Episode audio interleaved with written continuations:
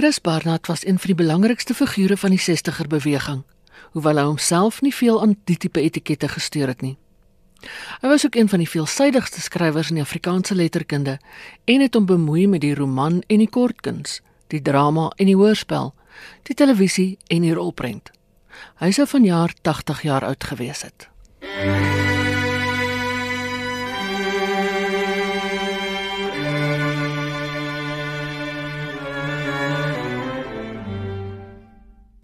Chris Barnard is op 15 Julie 1939 in die Laagveld naby Nelspruit gebore.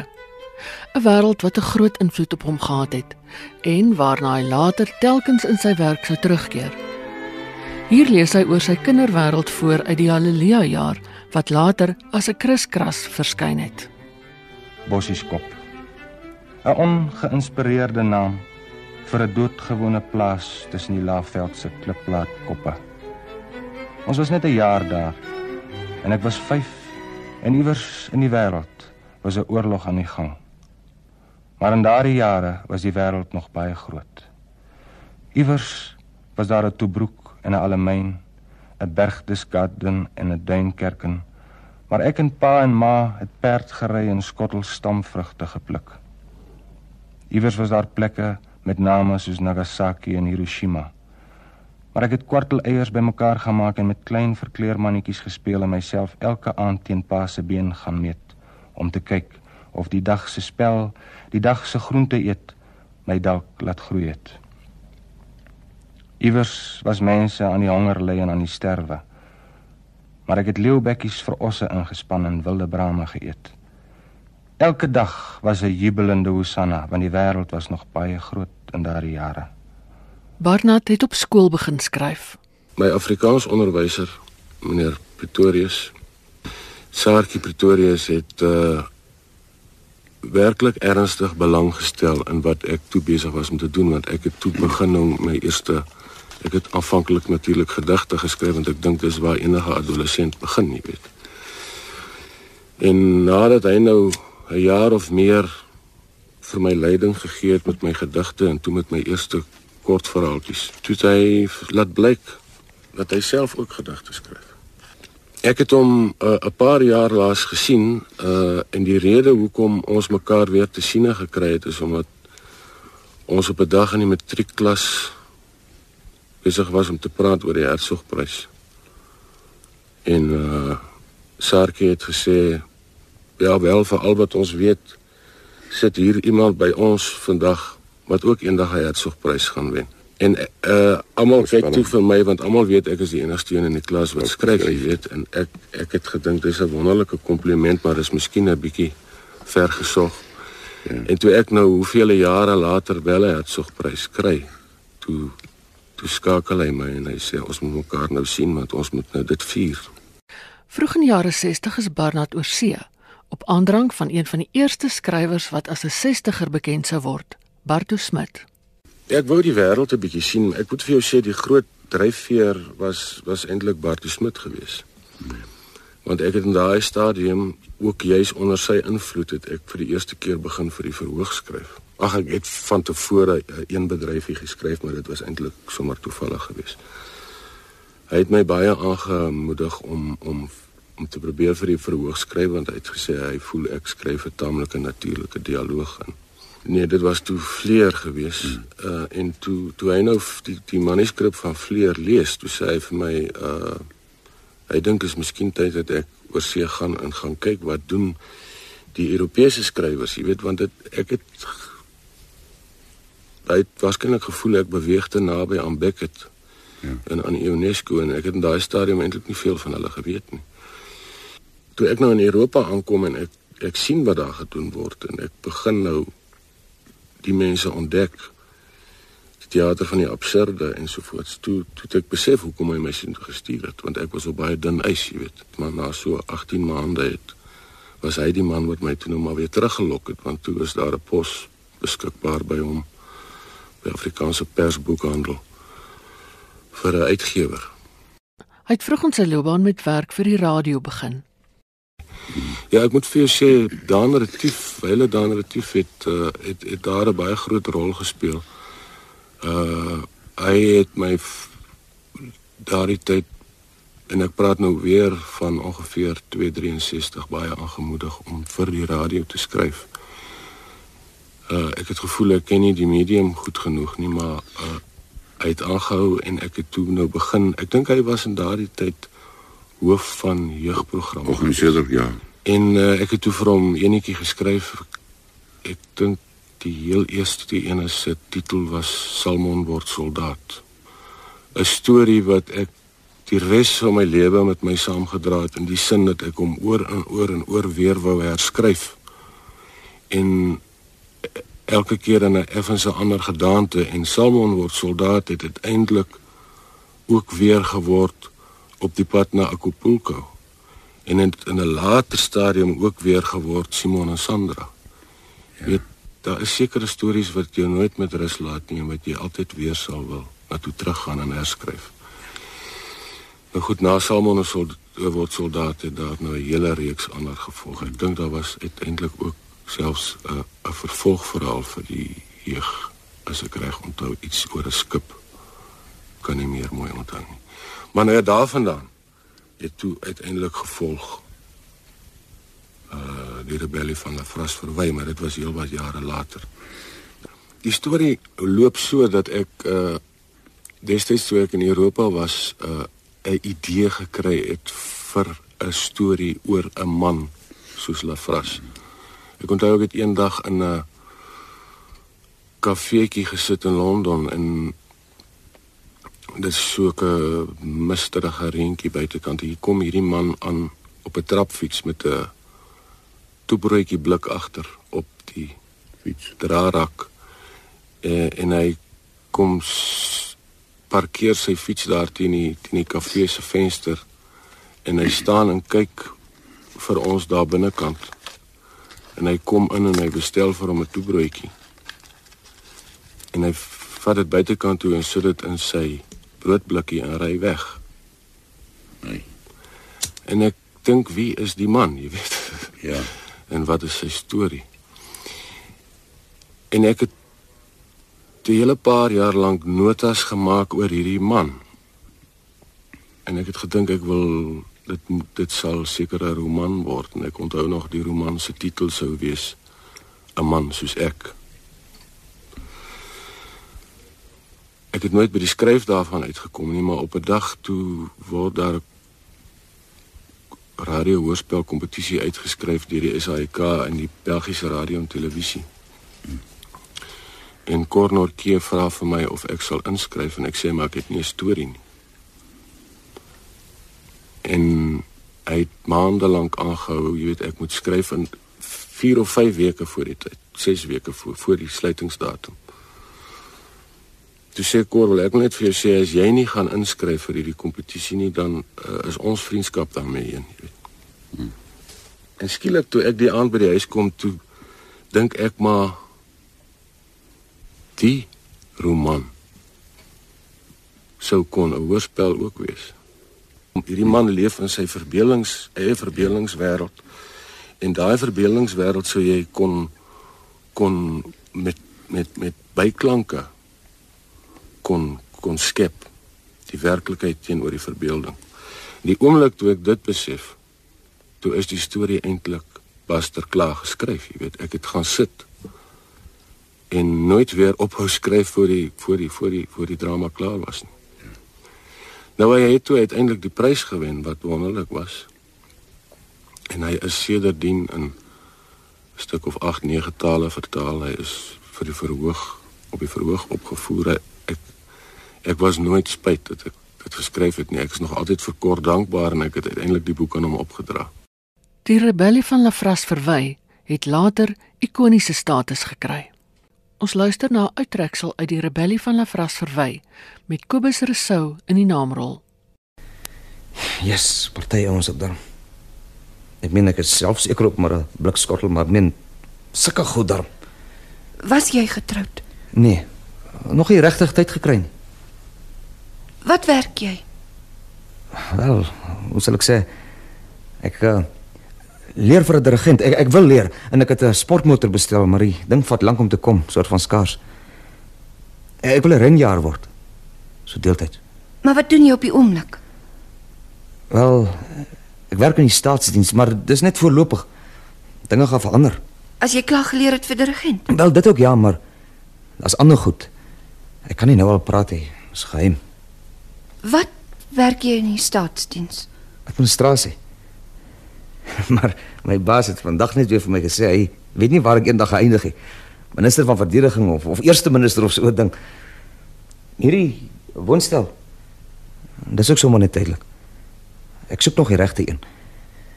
Dit moet op die 30ste verdieping wees of so iets met glasmure wat oopskuif en, en dik gordyne. Kan ek saans op die oop stoep sit en oor die stad uitkyk met musiek en goed. Hierdie een is net tydelik. Sulke dinge kos geld. Ek wil vir my 'n kokkel kry sodra ek hy woonstel het. Ek hou van goeie kos. Bietjie kreef vooraf en asperges en uh, geroosterde hoender en wynsous en roomys met met kersies, swart koffie, kaas Ek sal saam met jou eet as jy wil. of uh, miskien 'n lekker visgereg vooraf soos gerookte haring. Miskien is 'n bord champignoensop. Ah, My kok sal sy dinge moet ken. Sal ek solank die brood sny?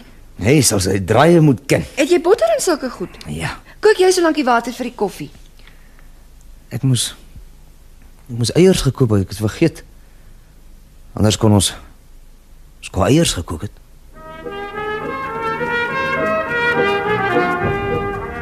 Die rebellie van Lafras Verwy het in 2016, kort na Barnard se dood, ook as rolprent die lig gesien. Die pad na Acapulco is in opdrag van die SAIK geskryf ter viering van die Afrikaanse radiodiens se 50ste bestaanjaar. Dis 'n opdrag van die SAIK geskryf. Ek het toe begin met 'n geweldige ambisieuse hoorspel. Dit was iets oor 'n 'n skrywer wat besig is om 'n drama te skryf. Waarin sy vrou die hoofrol speel. Maar die drama wat hy skryf is eintlik die drama van sy en sy vrou se huwelik. Met ander woorde, dis is 'n wêreld binne 'n wêreld binne 'n wêreld ensovoorts. Uh en ek het met die ding maande lank gesukkel en ek kon dit net nie. Dit dit wou net nie werk nie. En 'n maand voor die tyd het ek besef maar hierdie ding gaan nie werk nie. En ek kan nie nou na die SAIK toe gaan en vir hulle sê ek is jammer. Maar ek het niks vir julle nie. En daar kom Salmon wil soldaat terug na my toe. En ek weet maar ek wou nog altyd van hom iets anders gemaak het en ek het letterlik in die in die donkerte in begin skryf, herskryf aan hierdie storie. En dit het Acapulco geword. Hier volg 'n uittreksel uit Die pad na Acapulco.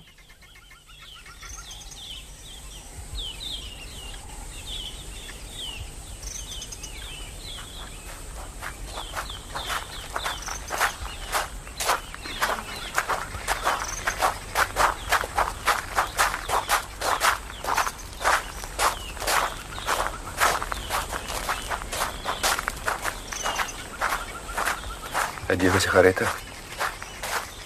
Nee, Ek het dit in die sak gesit. Jy moet dit hê.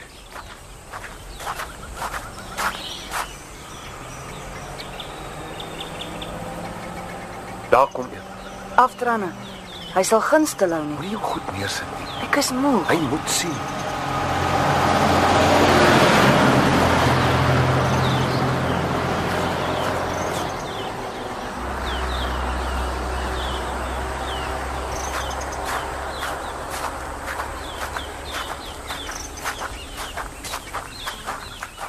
Hulle hou nie stil teen aftrannes nie. Ook het jy opdrag gesien. En Hoe ver moet ons Tot nog? by Acapulco.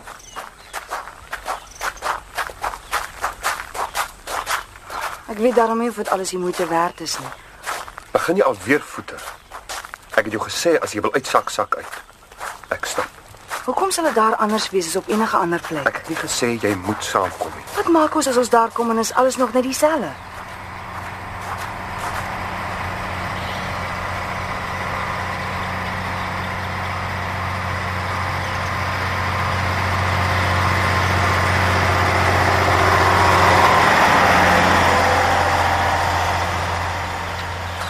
ons daar kom net dieselfde, dan beteken dit net een ding.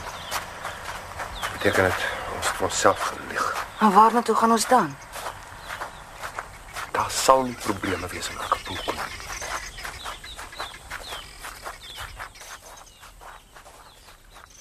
Barat se kortkuns het ontstaan uit 'n weeklikse rubriek toe hy nog joernalis was. Uh Chris Kras het uh nie op eie inisiatief ontstaan nie. Dit was my redakteur. Ek was destyds verbonde aan huisgenoot.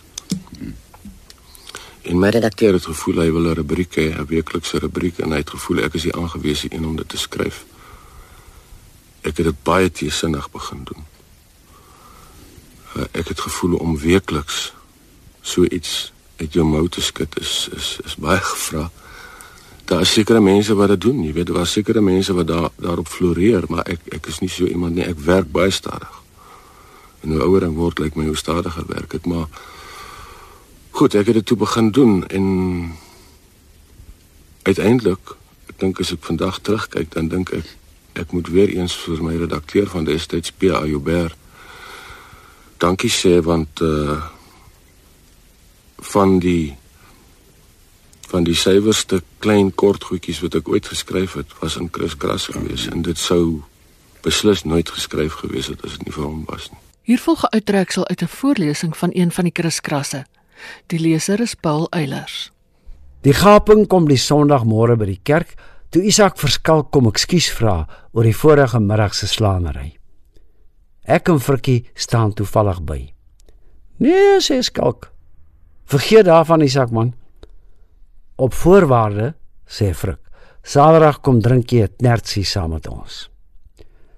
Isak, die kant toe en daai kant toe, maar hy stem in, maar net een vinnige een.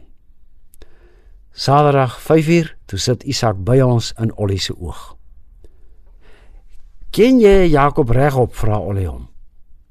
Daai rooierige blomme, vra Isak. Nee man, dis 'n dop, helse lekker hoor. Nie baie alkohol nie. Ek gee jou een op die huis. En toe is die plan hoeka uitgewerk. Dis die pil fyn gedruk met water en 'n bietjie harde hout en gemmer en ys. Isak proe en hy knik. Lekker, sê hy. Regtig nogal lekker.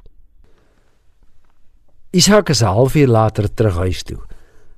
En dan onthou dit vandag nog as die stemmigste aand wat ons klompie manne nog ooit saam deurgebring het. Ons het daardie Sondagmôre nie 'n woord gehoor wat in die kerk aangaan nie. Ons het almal gesien hoe flink en regop Isak in daai diakenbank instap. En ons het sit en gadeslaan hoe hy en Ems heeltyd met so simpel salige uitdrukking in die niets sit en staar. Isak drink deesdae elke Saterdag aand by ons 'n Jakob regop. Lankal sonder die pil. Maar wat hy nie weet nie, kan jy nie mis nie. Sy kop is deesdae piekfyn opgeskroef. Want Janneman se Grieta vertel vir evangelie. Ems het glo begin brei. Barnard het sedert die beginjare van televisie ook vir die medium geskryf. Ek was aanvanklik baie skepties oor televisie. Uh ek dink een van my uh grootste foute wat ek gemaak het was om te sê toe televisie in Suid-Afrika ingestel word dat ek sal nooit iets daarmee te doen hê nie. En ek dink in elk geval nie ons is toegerus om dit te kan doen nie. In in dit gaan uh, gesukkel en ge vroetelende geploerd wees. Maar uh, ek was dadelik ek onthou Jan Skutte het het, het ons destyds 'n paar van ons ingeroep en hy het vir ons 'n paar Franse tele kort televisiedramas gewys. Dit is nou voor televisie begin het. En uh een van hulle, die huweliksaansoek, het my totaal aangegryp want ek het skielik gesien hoe geweldige medium hierdie kan wees as jy hom reg gebruik. Want in daardie hele drama word daar byna geen dialoog gebruik nie. Byna alles word met die kamera vertel. En voor ek myself kon kry, toe sit ek in krap, jy weet, en soek en uh toe toe skryf ek Nagspel. Dit was my heel eerste televisiedramatjie. En ek het soveel bevrediging daaruit gekry dat ek besef het skielik maar hier is hier is hier is 'n medium wat ek nie moet onderskat nie. Nou die res wat toe daarna gebeur het is ek is toe met Katinka getroud. En as jy met Katinka Heinz getroud is, is jy met televisie en met die rolprent getroud, jy weet. Uh ons het begin saamwerk en uh ek het daarna jare lank byna uitsluitlik net vir televisie gewerk. Van die bekende televisiereekse uit Barnard se pen sluit in Phoenix en Key, Simon en Sandra, Onderdraai die duiwel rond en Amalia. Van die rolprente waarvoor hy die draaiboek geskryf het, sluit in Villa se kind, die storie van Clara Villiers, Paljas en die wonderwerker. Barnard was bekend vir sy beeldende teks, met elke woord trefseker en noodsaaklik. Hy het by geleentheid gesê elke sin moet reg wees voor hy die volgende een skryf.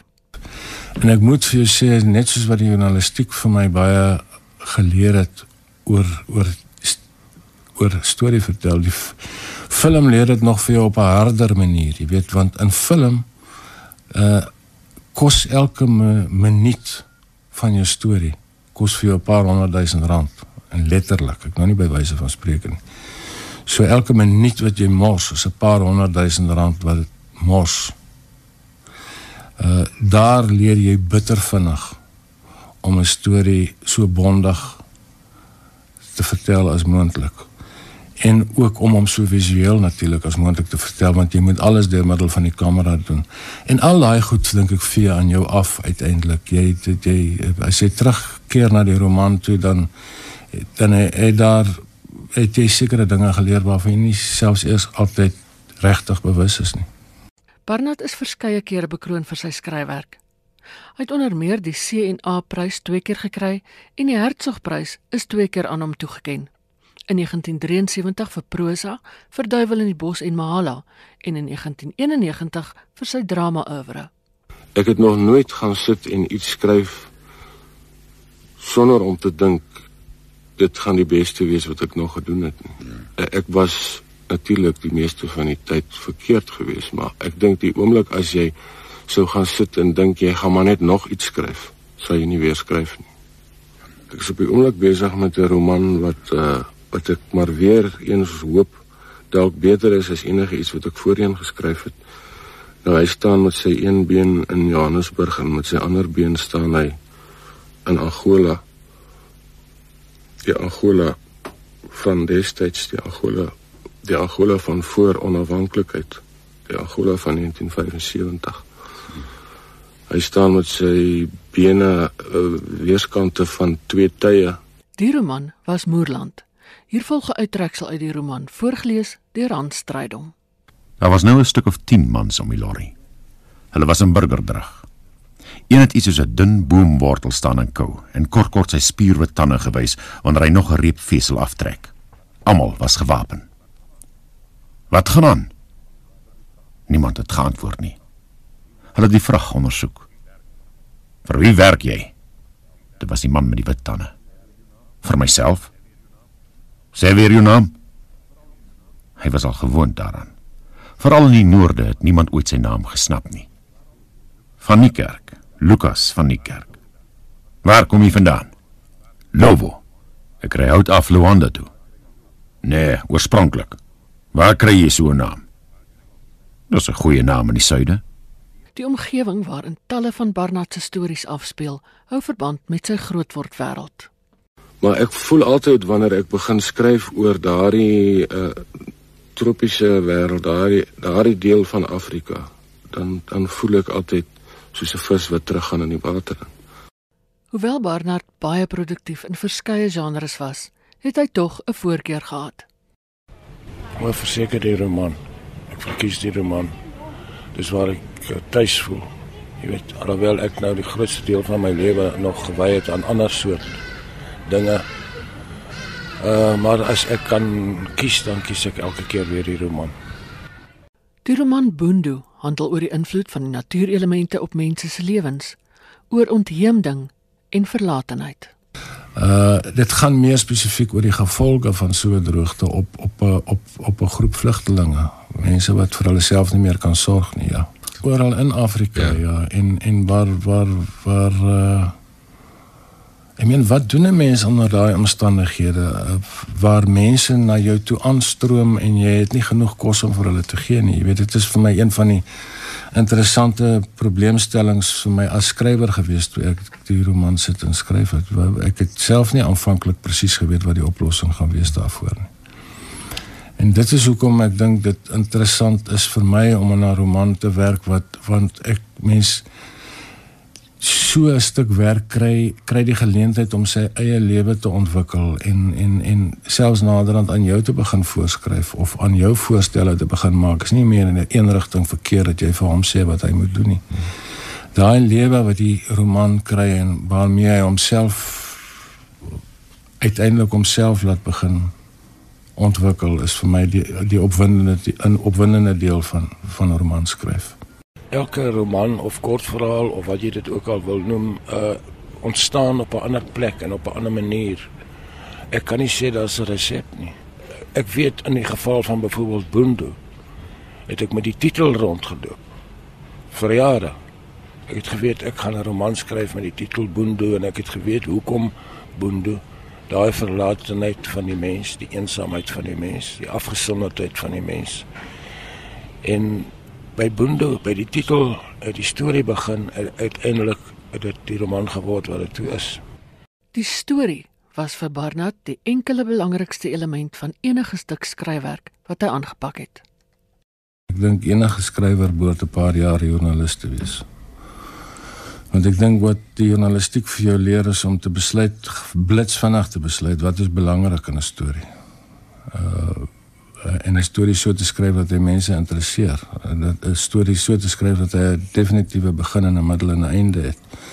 En om dit in so min as moontlik woorde te vertel. So daardie klompie jare as joernalis dink ek het vir my as 'n skrywer baie beteken. Strukturering dink ek is die belangrike ding uh, wat die journalistiek jou leer. Ek sê altyd dat Hemingway was vir my 'n groot leermeester gewees. Uh ek ek dink Hemingway is werklik een van die my rolmodelle. Van dag 1 af is het ek besef die, die eerste dag toe ek ek dink die eerste boek van hom wat ek gelees het was For Whom the Bell Tolls en ek het net besef ek uh, ek, ek skielik net presies geweet dit is hoe 'n mens behoort te skryf. En uh, alhoewel mens nooit probeer om so iemand na te volg nie ek uh, hoor jy tog soms dat mense sê dat daar 'n dat dat dit hulle herinner daaraan. So ja. iewers speel hy tog 'n rol. Mm. En dit gaan jy sekerlik oor daai gestrooptheid nie waar uh, uh, en sonder enige fiteriasie, sonder sonder enige nonsens vertel hy net vir jou daai storie van begin tot einde. Chris Barnard se nalatenskap leef voort in die Afrikaanse letterkunde. Sy bydrae was enorm. Barnard is op 28 Desember 2015 oorlede. Die program Portret van 'n skrywer is saamgestel met dank aan Karen de Tooy van die SAIK se klankargief. Die samesteller en aanbieder was Ina Strydom.